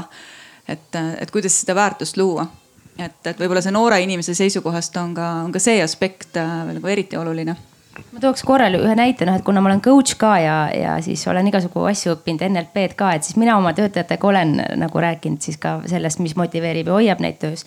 et ja need on nii erinevad asjad, kui sa neid ei küsi ja ei, ei analüüsi, sa ei saa seda inim-, ütleme, sa saad mõne inimese pealt ka tema käitumist jälgides välja lugeda. aga tegelikult on kõige õigem nendega rääkida ja, ja aru saadagi, mis väär-, äh, mida ta sealt töökohalt ootab, mis, mis on tema jaoks väärtuslik selles, mis hoiab teda õnnelikuna ja sealt sa tegelikult saad aru, et, et mis, mida sa pead seal hoidma selleks, et ta tahaks sinu juures. vaata, seal on selline hariv moment ka, et niimoodi sa aitad äh, noort inimest äh, jõuda ka paremini noh selgusele, et, et noh, mis siis on see tähtis asi, sest et teinekord äh, noh, mitte ainult noored inimesed, see on nagu ma arvan igas vanuses inimestega nii, et teinekord nagu tundub, et, et justkui nagu selline rahulolematus on sees, aga täpselt ise, ise ka aru ei saa, et, et mis see siis on. et kui sina juhina seda aidata siis oma inimesel niimoodi näpu peale sellele, mis, mis see rahulolematuse tuum on ja, ja, ja mis siis on see, mis sul silmad särama paneb et siis, äh, et see on nagu väga-väga-väga väärtuslik. et meil ikkagi inimestena ju selles inim-, omavahelises suhtlemises see kõige suurem takistus on ju eeldamine. Et äh, e nii lihtne on eeldada või kuidagi nii loomulik on eeldada, et teiste inimeste peas käib enam-vähem samasugune elu nagu sinu peas. et tegelikult endagi peas käib, käib see elu natuke erinevalt, erinevatel päevadel. Ave ja ma selles mõttes tahaksin selle nüüd äh, keerata siia ka pisikese intriigi sisse, et kui kuulata, me alustasime sellest, et mis see tulevikumaailm siis äh, töö mõttes on. ja kui me paneme nüüd need asjad kokku, millest me siin täna oleme rääkinud, sellest, et et me teame, et inimesed kolivad nüüd, hakkavad kolima laiali eh,. nii-öelda asustama ennast ringi ja, ja sest töötamine võimaldab seda, sest et nad tahavad tõenäoliselt oma lastele mingit mõnusamat elukeskkonda kui linnakeskkond, nad tahavad endale seda, kolivad ära, saavad tööd teha eemalt. selle me lahendame enam-vähem selle hea juhtimisega ära, mis siin on nüüd täpselt kõik käinud, hästi empaatiline, üks-ühele. meil on need hommikused stand-up'id, me võtame neljapäeval, vendime ära, kõik on väga hästi. aga toome nüüd juurde selle, mida me siin ka Kätemere puhul nägime, aga mul on mitu tööandjat. Kellega ma vendin? Kellega ma teen hommikuti need stand-up'id, kui ma pean tegema iga hommik kolm stand-up'i erinevate tööandjatega, siis mul, mul annab ikka ventida neljapäevaks seda, mis ma olen endale kokku keeranud. chat'i kirjutad copy paste kolm korda seda no,, mis sa teed täna. no tegelikult ma ei tohiks seda teha, sest et siis ma ju võtan nagu kolmelt tööandjalt sama asja eest nagu raha, et see pole nagu ka päris ilus, et tõenäoliselt ma teen ikkagi ju erinevat tööd seal nendele tööandjatele. kuni sinnamaani, et kes see mind kaitseb, et mis lepinguga ja, ja mina, mul on päris palju freelancer eid meeskonnas olemas, sest noored tulevad ja nad tahavad pigem nagu ise otsustada ja ise teha ja, ja siin ei tohi vahet teha, et kas ta on mul lepinguline töötaja või ta on mul freelancer, kas ta teeb mul nädalas äh, natukene ainult midagi aga hakata nüüd nüüd seda meeskonda nagu kuidagi kokku omavahel siduma, et, et leida nüüd siis need ühised ajad ja ühised momendid, mis meil siis on, et see on, see on tegelikult päris, päris suur väljakutse. ja, ja siin isegi empaatiaga ei ole enam midagi teha, et see on puhas selline ajalogistika, mis mul nende, nende töötajatega siis tuleb hakata nagu kombineerima, et ma neid teistmoodi ei põletaks kõikide nende selliste nagu noh, mõnevõrra nagu vidinatega, mis tegelikult minule juhina on nagu väga head tööriistad, aga, aga tõesti, et kui ta peab seda väga paljudele tegema hakkama, et mis siis saab? ja ma nüüd meenutan, et mul vist eelmine aasta maksuametist oli töistulu deklareeritud kaheksalt eri, eri, eriorganisatsioonilt. okei okay,, kõik ei olnud otseselt tööandjad, mõni oli selline noh aga mingid projektid olid käsil. ja see on nii hea, mis Ave praegu välja tõi, oligi see, et kui ma pean mitme juures, pean täpselt sama juttu rääkima, siis see moment enam ma ei viitsi.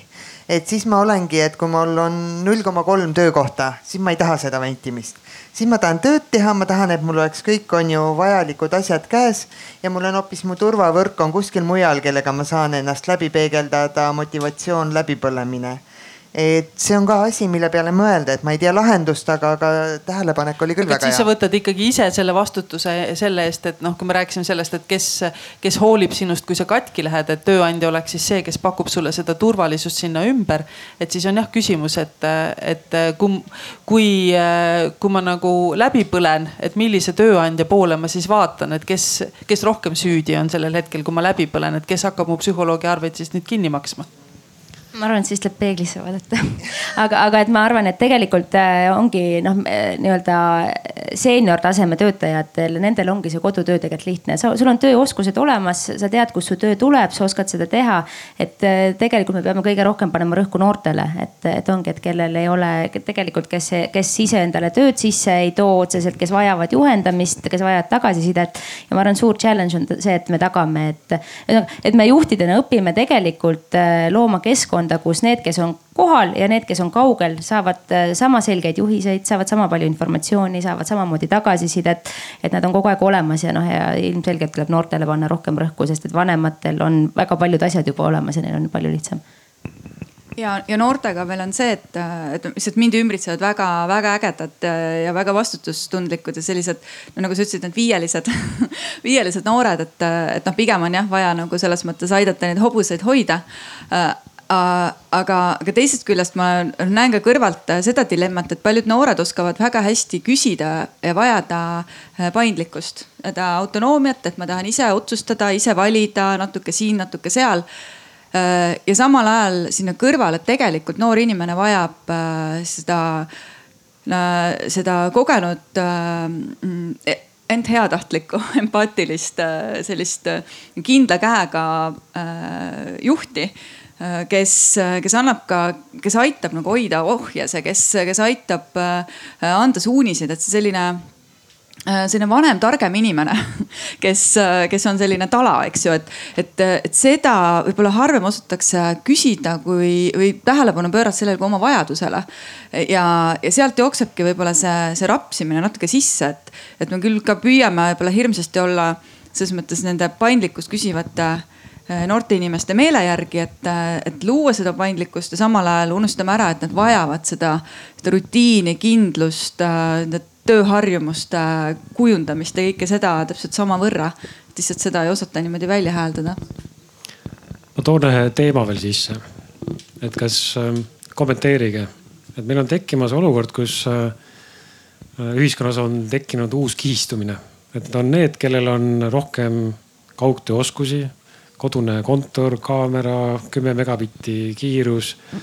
Nad asuvad, neil ei ole koera, kassi, lapsi ringi jooksmas ja tekivad nagu nii-öelda ka vanematel, noorematel tekivad uued võimalused.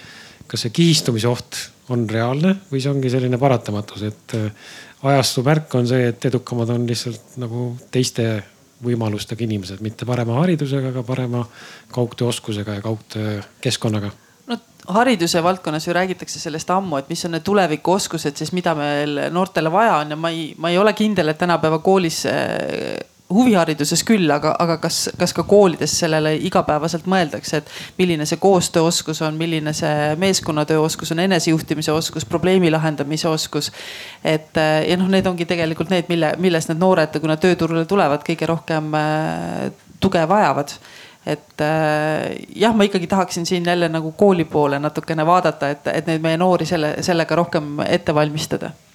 aga noh, kui mitte jälle kooli vaadata, vaadata täisealisi või vanemaealisi. mina nüüd kommenteeriks, et on väga huvitavad uued oskused tulnud. et kui muidu öeldakse, kui ma inimest näen esimese viie sekundiga tekib mul esmamulje nüüd mul väga paljudest inimestest on see viie sekundi esmamulje tekkinud nende Zoom'i või Meet'i või mis iganes meie kanal on pildi põhjal. ja inimesed ei oska ennast tegelikult digitaalselt esitleda. et sa võid muidu olla väga välja peetud, viisakas, lõhnata nagu lillepukett või noh, mis iganes aga siis sa tuled Zoom'i, sul on suhteliselt äh, kaader on kuskil laes, taga on mingid imelikud asjad vedelevad, noh. See, et üldse sa pole sättinud ennast, sa jätad nii lohaka mulje, kuigi ma võib-olla tean, et sa väljaspool virtuaalset ruumi oled hoopis väga, et noh, et see esmane esitlusoskus on juba see koht, kus meil tekib uus, uus nagu pingerida. Ja eks sealt edasi, et kes oskab kaamerat, kes saab heli, kes ei suuda heli õigel ajal tööle panna, ei saa sõna ka tänapäeval enam on ju. Mul on selle kihistumise kohta tegelikult selline võib-olla mingi universaalne kokkuvõte, et, et noh, tegelikult on see kohanemisvõimelisuse teema, et nagu see evolutsioonis ikka on olnud, et siiamaani. et, äh, et ellu jäävad need, kes hästi kohanevad ja, ja alati see ei sõltu vanusest, noh, see kipub natuke võib-olla niimoodi natuke käsikäes käima aga, aga kokkuvõttes on äh, kõik, kõik uus, uued oskused on omandatavad, et on äh, kohanemisvõime küsimus mina võtan ka, ütlen täpselt sedasama, et ma olen ka kaugtöötamisel teemal koolitanud ja vestelnud inimestega päris palju ja üks asi, mida ma, millega ma viimasel ajal kogu aeg äh, kavatsen nagu alustada, on see, et, et ma ei hakka teile kaugtööd müüma, sest et see ei ole võluvits. et see ei paranda teie organisatsioonis kõike ära, mis nüüd siin on haige ja vastupidi, et see toob teile tegelikult probleeme juurde tõenäoliselt, et ka neid me oleme siin natuke täna nimetanud, aga aga see on paratamatus, see lihtsalt tuleb ja sellega tulebki kohaneda ja, ja ellu jäävad tugevamad ja mina arvan, et seda meie ühiskonda, mida on lõhestatud siin viimased aastad iga nurga alt ja, ja jätkatakse sellega, on väga raske sellise teemaga siin lõhestada. aga, aga ma tegelikult arvan ikkagi, et kellel on kodus paha töötada, see ikkagi mingu kontorisse, sellepärast et kõikidel on võimalik äh, põhimõtteliselt valida e, Ko. koju saab saada tööandja ja töötajad ikkagi ainult töötaja nõusolekul ja kui mulle ikkagi ei meeldi kodus töötada, siis ma lähen kontorisse tööd tegema. Veel hakkab aeg otsa saama. et ma annan igale ühele võimaluse anda tuleviku soovitus, kuidas olla selles kaugtöö hübriidmaailmas edukas, et mis, mis näpunäite sellest pooleteist aastast või siis viieteistkümnest aastast kaasa anda, et midagi mitte, et osta parem internet, aga midagi, mis võib-olla sulle südamelähedane on, mis sulle nagu mina võtaks siit sellest samast Eva-Maria nagu eel, ühest, ühest mõttest nagu kinni, et, et seal kaugtöötamise juures tegelikult äh, kõige olulisem, noh okei okay,, ma sõnastan seda teistmoodi, on ikkagi enda hoidmine. et äh, sa pead iseennast hoidma, iseendast ise lugu pidama ja, ja hästi avatud suhtlemine ja, ja välja ütlema, et see eeldamise teema, et, et ära arva, et sinu juht näeb ja tunneb, mida sina näed, et kui sa ohkad kolm korda koosolekul, siis ta ei pruugi tegelikult aru saada, et sul on raske, et sa ütle see välja, et mul on raske. ja kõikvõimalikud kokkulepped, et äh, Need võivad tunduda võib-olla natuke lapsikud need, just see kaugtöö kokkulepete ja riskianalüüside tegemine, eriti üldse riskianalüüsi tundub üldse, et see on mingi tööinspektsiooni jonn, mida me siin peame nagu kõik kogu aeg täitma, aga tegelikult on see meie enda kaitsmiseks ja selleks, et kui ühel hetkel on raske, siis meil on kuskil üks paber, kus meil on kirjas, mis me siis teeme, kui, kui asjad lappama lähevad. et kokkulepped, suhtlemine ja iseendaga nagu hästi läbisaamine ma ei teagi, ma vist ütleks pigem nagu ka seda, et lihtsalt, et, et anna endale aru, mis sulle nagu sobib, on ju. ja ürita see keskkond siis luua, et noh, kas siis tööandjaga rääkida läbi või kodus ja üldiselt igas asjas on häid asju, et leia endale see, kus sul hea on olla ja siis ürita nautida. ja siis, kui, kui ei ole hea, siis tuleb midagi muuta lihtsalt. siis leia see viis, mõnikord tuleb muuta töökohta ka mina siis julgustaks katsetama, et kui et minge jalutage koosoleku ajal, ostke mõni uus tehnikavidin, laadige alla mõni uus programm. jah, esimesel korral võivad sellega kaasa tulla hunnik jama, aga te ei õpi uusi asju, te ei kohane, kui te ei katseta kogu aeg et ei maksa, maksa hirmu tunda selle ees, et võib-olla midagi ei õnnestu, et järgmine kord õnnestub. ma korra lihtsalt kommenteerin, see lihtsalt sobib siia nii hästi, et mul on üks kolleeg, kes ka, me katsetasime ühte väga, ma isegi ei mäleta selle nime, ka äh, selline koosolekute tegemise programm, kus sai erinevaid taustu valida ja tal oli just oma, ta oli ka ülikoolis juhendaja, tal oli oma noore juhendatavaga kohtumine ja siis ta valis seda tausta. ühel hetkel ta avastas, et võib-olla selle noormehega rannatoolide valimine ei ole just nagu kõige sobilikum, et aga, aga tõsi, et see nagu lisab nii palju palju värvi sellesse, kui on natuke tunne, et, et hakkab nagu närviliseks minema või, või rutiinseks, et siis tegelikult tehnikas on seal on see võimaluste maa nii suur. nii, sa muidugi alustasid, täpselt võtsid ära selle, mida ma öelda tahan. et mul on tegelikult päriselt ka hoopis, hoopis selline mõte, mis võib-olla selles, et on kaugtöö või ei ole kaugtöö.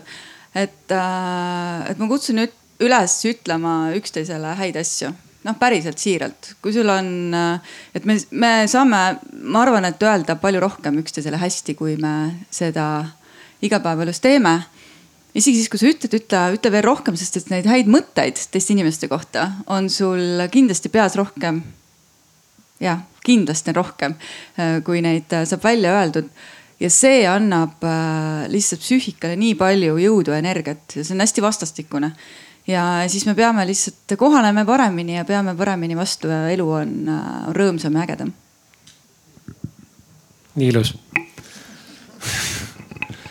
ja võib-olla minu enda poolt äh, mõned mõtted, et kaugtöö on tulnud, et jääda. ja võib-olla asi, mis meile Covidi puhul äh, vist tegi nagu sellise, üks asi, mis oli Covidi puhul väga vahva. Et restart, mis toimus eelmise aasta märtsis-aprillis, kus kõik pandi kinni. kõik meie nii-öelda peol käimised, meie spordiklubid, meie tööl käimise võimalused. ja väga paljudel inimestel tekkis äh, sellise peeglisse vaatamise koht. et äh, mis ma siin elus üldse teen, mis ma äh, tulevikus peale sa pean hakkama või mis ma tulevikus tegema hakkan. et see, need, see lained psühholoogilises mõttes on minu arust viinud selleni, et meil on kogu selle oma tööelu korraldamisel hoopis teine küpsusaste. võib-olla see on see, mis see kaugelt töötamise teadlik valik, mis on ühiskonnas toimunud on võib-olla kõige suurem õppetund sellest Covidist. ma loodan, et te saite täna nippesid. Äh, me arutasime seinast seina ja nagu te aru saate, see teema on äh, täpselt selline, et igalühel on oma lugu. Äh, me võime rääkida tehnilisest võimalustest kodus, kuidas kodukontorit sisustada, kuidas küberturbega hakkama saada ja neid teemasid tuleb meil läbi aastaid veel ja veel. aga vist kõige rohkem mulle meie panelistide puhul jäi kõrva see empaatia juhtimise empaatia, et me peame hästi ütlema, peame hoolima oma inimestest, märkama ja kaugelt peame märkama palju rohkem kui, kui kontoris. kontoris me saame kohvinurgas testida ja, aga kaugel me peame märkama teistmoodi ja seda palju rohkem. aitäh teile tulemast ja kohtume kaugel. aitäh. aitäh.